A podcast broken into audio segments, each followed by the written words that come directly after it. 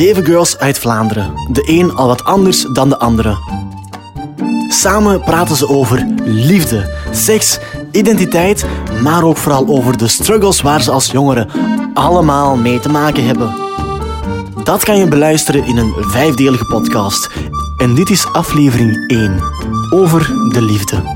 En ik vroeg de girls wie er moet betalen op de eerste date. Persoon die je mee uitvraagt. Stel dat jij gevraagd hebt, dan En betaalt jij. Echt? Of delen.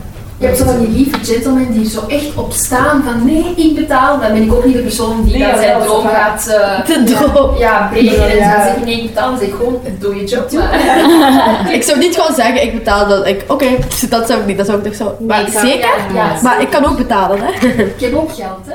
De eerste date is natuurlijk het begin van alles. Maar hoe kijken de girls naar het huwelijk?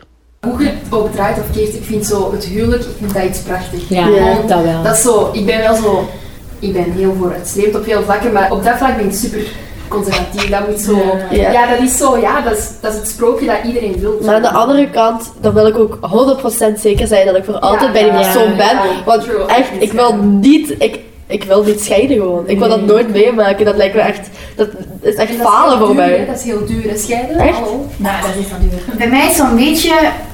Echt iedereen weet dat, allee, vooral mijn familie en mijn beste vrienden ook, dat echt zo mijn grote droom is om later te trouwen. Ik vind dat echt, zoals een echt sprookje, dat wordt gewoon... En ook als je dan met je persoon samen bent, later dan dat het nog steeds goed gaat en je denkt van oké, dit is het, dan vind ik trouwen echt het mooiste wat je kunt doen in een relatie. Scheiden is het slechtste wat je kunt doen in een relatie, dus dat wil ik absoluut niet. Ik heb het scenario in mijn hoofd. En dat is wel echt heel groot. Dus misschien wil ik toch heel groot. Maar ja, ik ook. En dan is van oké, dan, eh, ik ga niet in de kerk trouwen, maar, maar, maar wil ik wel een tuinfeest. En dan wil ik trouwen met zo'n bloemenpaviljoen. Ja, ik ik dit en dat. En dat zijn mijn bruidsmeisjes en dan wordt mijn tuin. En, eh, echt, ik weet dat al. Hè. En dan denk ik, maar oh, het vindt echt. Zie je nou weten met wie dat je moet trouwen? Ehm, Dat is, er is toch zo een regel of zo, dat, dat de huwelijk sowieso pas werkt als je al minstens vier jaar samen bent.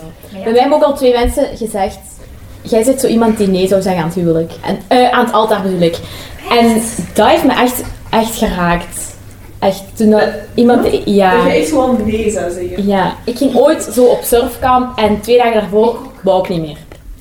Om alleen. Nee, ik, ik weet niet, ik wou niet. Ik zei nee, ik voel me daar eigenlijk niet goed bij, ik heb echt geen zin. En ik ben niet gegaan. En ja, iedereen was, was, de hele familie was aan het overtuigen, oh, je moet gaan, dat is de tijd van je leven, bla. Maar ik wou niet. Mijn mijn hoofd zei nee, ik ga niet gaan. En toen zei een onkel van mij zo, jij ja, jij, jij zou nog nee zeggen aan het altaar. En ik dacht, wow. En toen heb ik dat nog eens gehoord, een paar jaar later, van iemand. En dat heeft me echt wel bang gemaakt. Ben ik zo een twijfelaar in het leven? Weegschaal. Ik, maar ik ben geen wetenschapper.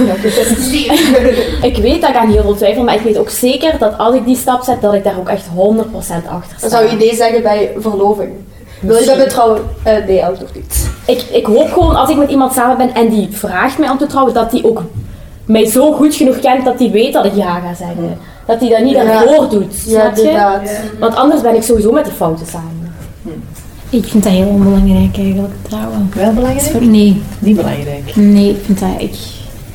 Toch precies bewijzen dat je van die persoon houdt. Ik vind dat niet zo echt iets speciaals.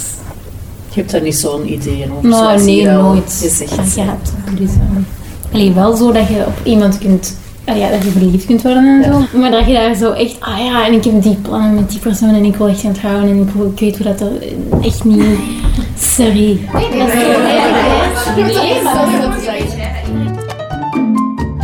In een relatie ben je met twee.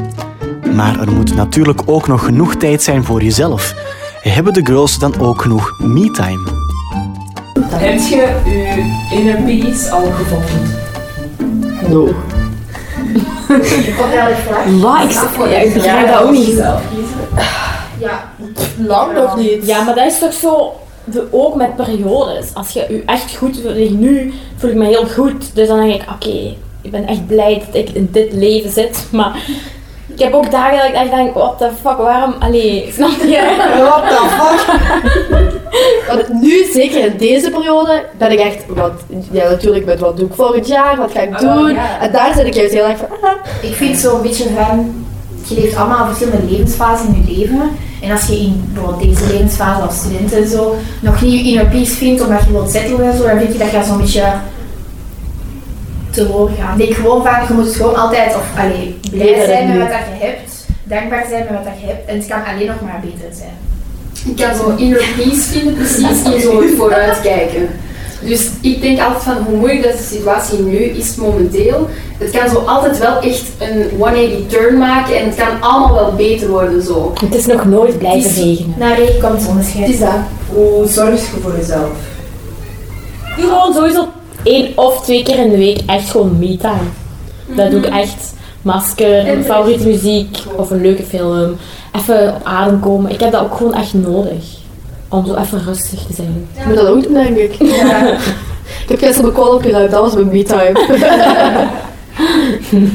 Dat was ook echt nodig. Me-time, en dat is echt niet oké bij mij. Nee, Een soort van verwaarlozen. Allee, ja, snap je, mentaal gewoon. Ik denk echt niet dat ik echt self-care heb op het mentaal vlak. En ik probeer dat wel, maar En wat is dat dan? Self-care of mentaal vlak? Dat? ehm, als eh, goh, grenzen kunnen stellen. Zeker voor de mensen van buitenaf. Ehm, en eh, mensen die echt een negatieve invloed op hebben, gewoon echt op afstand houden. Ehm, en dat doe ik niet. En ik val constant. ah, ik trap daar zo constant in. En dan ben ik daar keihard van bewust, maar ik doe er niks mee. Maar eerlijk, het feit dat je al weet waar dat Ja, ik weet het.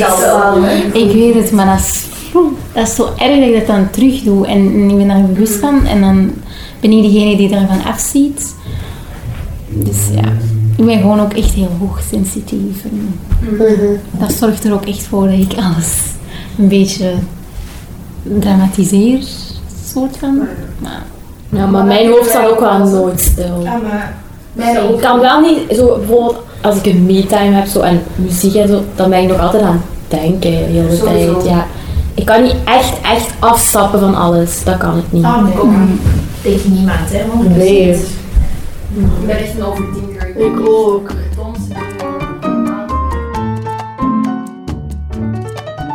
Dit is een project van studenten journalistiek aan de Ab Hogeschool in samenwerking met girls uit de psychiatrische afdeling Marquis.